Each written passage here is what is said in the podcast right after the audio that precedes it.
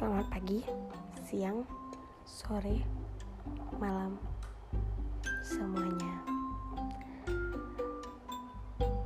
Hai, aku Maira. Aku bikin podcast buat menceritakan apa yang aku alamin setiap harinya. Apa yang aku jalanin setiap waktunya.